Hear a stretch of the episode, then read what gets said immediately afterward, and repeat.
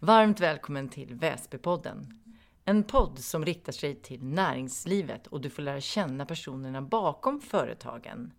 Här får du ta del av deras resa både fram och motgång.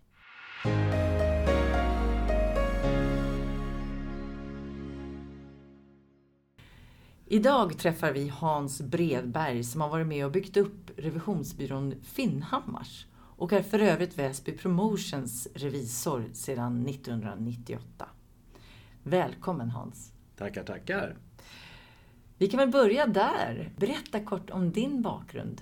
Ja, jag eh, har jobbat som revisor sedan 1983 då vi startade Finnhammars. Mm. Och innan dess så höll jag också på med ekonomiarbeten. Vilket jag hamnade i av en slump egentligen för att jag, mina starka ämnen var NA. Så jag läste, skulle läsa biologi på högskolan efter gymnasiet.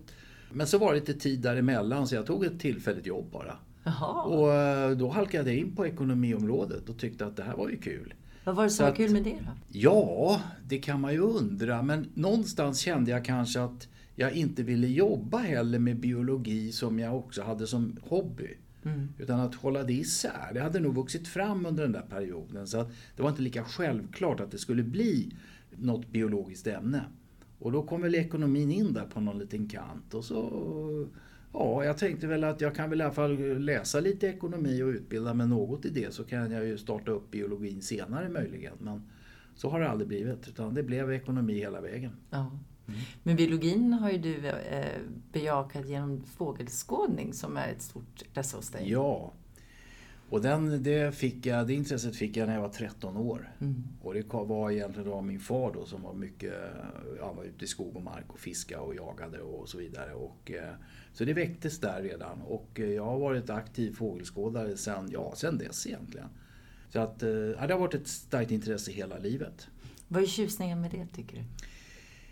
Ja, jag ser det kanske på olika sätt nu och då. Men mm. det som egentligen förenar är ju att vara ute mycket. Ja. Och finna tjusningen i att vara ute även när vi vanliga människor tycker att det är busväder. Men då är det ofta bra väder för fåglar. Det, det var en tjusning. Och så är det man, ett område man, eh, man, man blir ju aldrig fullärd inom fågelskådningen. En fågel ser olika ut. Det finns han och hona, det finns åldersdräkter, och det finns mutationer och det finns hur mycket svårigheter som helst att bestämma fåglar. Så att det är väldigt kul.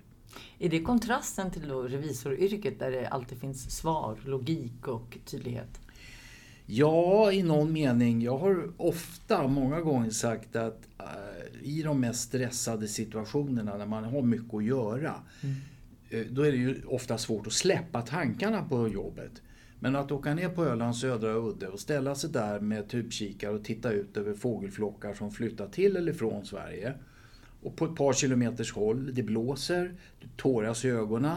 Det, du har liksom, man står med några stycken och diskuterar, har den ljus på vingen eller vad är det för färg på stjärten? Och, alltså, det finns ingen möjlighet att tänka på någonting annat. Då. Så det blir som ett yogapass. Ja. Det blir en rening, en, en avkoppling som är fullständigt total. Och, det där har jag följt med mig sen och, och nu när jag då håller på att dra ner på arbetet så är det ju en underbar hobby att ta tag i. Ja. Har du själv haft någon fågel hemma? Alltså egen fågel? Ja, undulater hade man ja. när man var barn. Det var så? ja, det var. Men ja. det, det, är väl bara det. Sen ja. har jag föredragit dem i vilt tillstånd. Vad är det som driver dig då, Hans? Det är nog faktiskt glädje att trivas, ha roligt. Mm. Och det har det gjort på, det är egentligen det vi har byggt upp hela Finnhammars-konceptet på.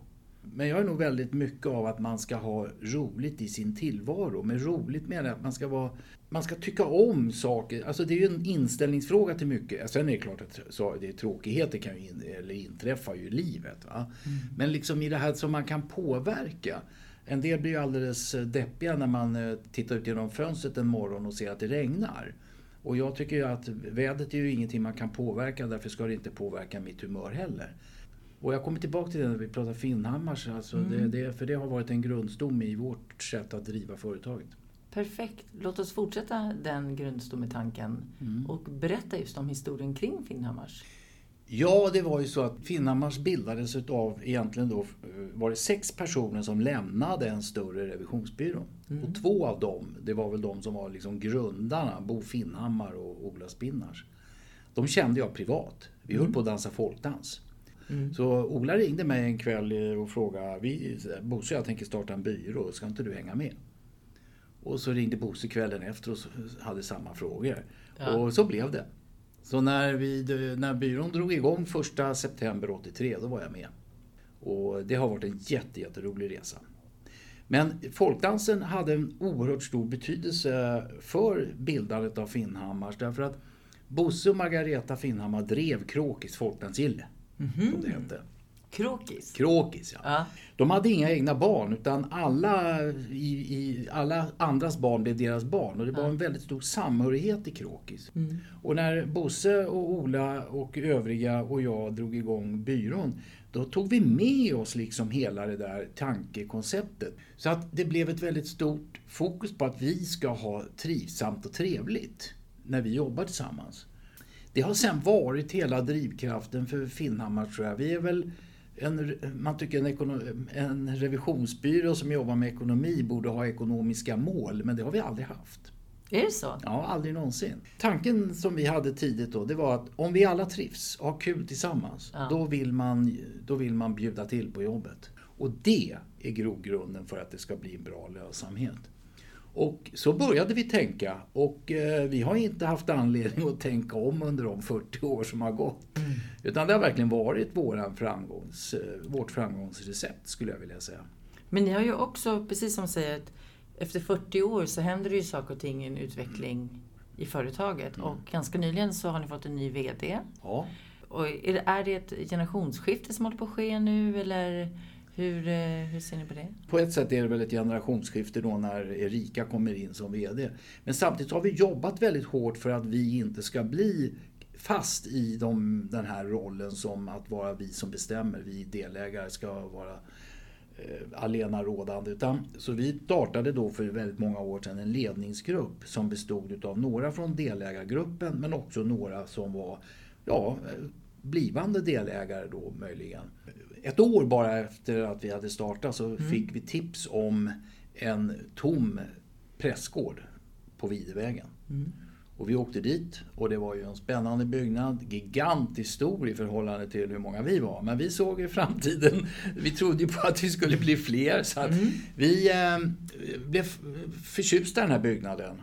Ansökte om att få kontorisera den hos kommunen och det fick vi. Och så köpte vi den ett år senare och renoverade upp den. För den hade stått tom som prästgård. Det var i prästgården till Hammarby kyrka. Mm. Och där är vi än idag. Finns det någonting du kan berätta som man inte vet om om ert yrke? Varför det är så roligt? Ja, jag vet, jag vet. När jag var ute och föreläste under en period i skolorna och pratade yes. om ekonomi och pratade om revision. Så frågar jag ju ofta i gymnasieklassen hur många som trodde att vi jobbar med, med, med pengar då. Eller med, ja. Ja, siffror. Och det var ju 100% som räckte upp handen eller som sa ja men det tror vi. Och jag sa det, det gör det. Finns sådana inslag i mitt jobb sa jag. Men det mesta jag jobbar med är ju människor. Mm. Det är människor som äger företagen, det är människor som driver företag, det är människor som gör bokföringen. Hittar vi brister någonstans så är det människor vi ska prata med. Så att det, det, det handlar väldigt mycket om att bli människokännare. Är det den största missuppfattningen man skulle kunna säga om ett revisoryrke? Jag tror att man tänker revisor. Då ser man den här karikatyren av ja. någon som sitter med, med, med, med siffror och en, en svag lampa och plitar liksom. Det, ja. det, det, och det, det är nästan mera bokförare utav ja. det ja. egentligen. Men ja, det är ju en bild av revisorn. Som, ja, det, det tror jag nog är en... Vi jobbar mer med människor än siffror. Som revisor, då och nu, om man tänker den resan av din yrkeskarriär. Mm. Vad är mm. skillnaden skulle du säga? Ja, det där har man funderat lite över och ibland tänker jag så här, är det för att man börjar bli gammal och trött som man tycker att det var bättre förr? Eller, eller har det blivit annorlunda? Men, ja, men jag tror att vi, eh, när man pratar med andra så är de nog samstämmiga i den bild som jag har. Nämligen att yrket har många fördelar fortfarande. Kontakten med människor är ju fortfarande det centrala. Mm. Men vi är hårdare styrda utav internationella influenser, regler. Du mm. ska göra det här i en revision. Du ska dokumentera mycket, mycket mera. Det räcker inte med att säga att jag har god kännedom om den här kunden, jag vet att de är duktiga och det är bra ordning och reda. Så därför så tycker jag riskerna är lite låga. Det var fullt tillräckligt en gång i tiden men idag räcker inte det. Då måste man skriva varför tycker du att de är låga? Vad är det som gör att det är bra rutiner? Alltså man mm. måste vara mycket, mycket mer utförlig. Så att, så att eh, eh större inslag av måsten skulle jag mm. vilja säga än eh, har det blivit. Mm. Ni har ju också övergått från mm. papper till digitalisering. Ja. Berätta om den övergången. Ja, man kan ju inte idag förstå hur man en gång jobbade egentligen. Ja. Jag vet att vi hade möten med redovisningsbyråer, regelbundna möten där vi satt och utvecklade arbetsrutiner. För de, de gör ju löpande redovisning och så ska de lämna material till oss för revision. Och då kommer jag ihåg att vi hade ett sådant möte 1990 där vi tog upp frågan hur många av redovisningsbyråerna som hade gått över till digital, eh, liksom använde dator i sin redovisning. Det var inte särskilt många. Så att resan har gått fort sen. Mm. Och hur vi hanterade deklarationer, satt och fyllde i med skrivmaskin och manuella justeringar och satt och kontrollräknade allting. Det är ju, det är ju svårt att komma ihåg allting egentligen. Mm. Nej men det, väl, det mesta är väl bara bra att det har blivit så digitaliserat som också är en stor ambassadör för Väsby, för Väsby Promotion, har ju du varit med i begynnelsen av vårt bildande. Ja. Berätta hur det gick till och vad började ditt engagemang där? Tanken var ju precis som den är idag, att öka en samverkan mellan eh, företagare i kommunen. Redan tidigt så tog ju eh, alltså engagerade sig kommunen ju och ville att en del av verksamheten som de höll i skulle kunna hanteras inom ramen för Väsby Promotion. Mm.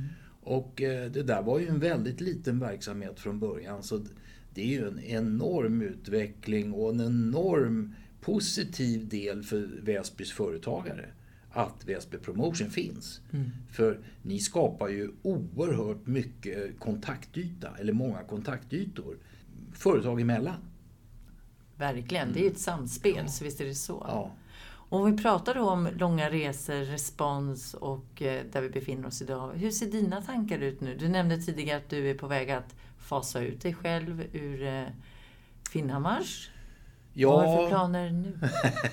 ja, men det är så här att eh, en auktorisation som revisor, mm. den löper med femårscykler.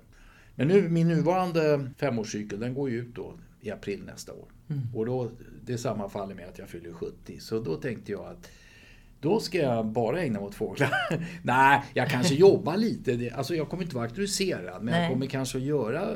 Eh, jag kan fortfarande tänka mig att göra vissa konsultjobb eller uh, sådana bitar. Så länge jag känner att det är kul. Mm. För så länge det är kul, då vill man fortutbilda sig också och hänger med på lite sådana utbildningar. Gör man inte det, då är man nog ganska snabbt ute ur bilden. Mm. Så jag tror man ska nog vara vaksam på att när man känner att jag vill inte gå en skattekurs till, då ska man nog lägga ner. Ja. Vad tror du om Finnhammars framtid? Hur ser den ut? Ja, men jag tror att vi... Eh, det koncept som vi har nu, det måste man hela tiden liksom... Tiderna förändras ju. Men det som inte har förändrats det är, det är företagen eller snarare människornas behov av vägledning och hjälp. Mm. Och den delen tror jag inte kommer att minska framöver. Eh, och det gör att jobbar man med de bitarna så starkt som vi har gjort hela tiden så tror jag att det finns en mycket god framtid för byrån att fortsätta på den banan. Hans, vi börjar närma oss slutet och eh, tusen tack för ett härligt och energifyllt samtal och framförallt också Stort tack för jättefint samarbete under våra år. Mm. Och vi önskar dig all lycka till med eh, ornitologin och framtidsspaningarna och eh, det du tar dig an nu framledes. Ja, tusen tack. Ja, jag har ju riktigt mycket uppskattat vårt samarbete också genom alla år. Så det har varit oerhört givande både för mig och för Finnhammars. Mm. Så att, eh, tack själva. Den här podden står Väsby Promotion bakom. Har du frågor eller tips på personer du tycker vi ska intervjua? Skicka oss ett mejl på info at vasbypromotion.se. Tack för att du har lyssnat. Promotion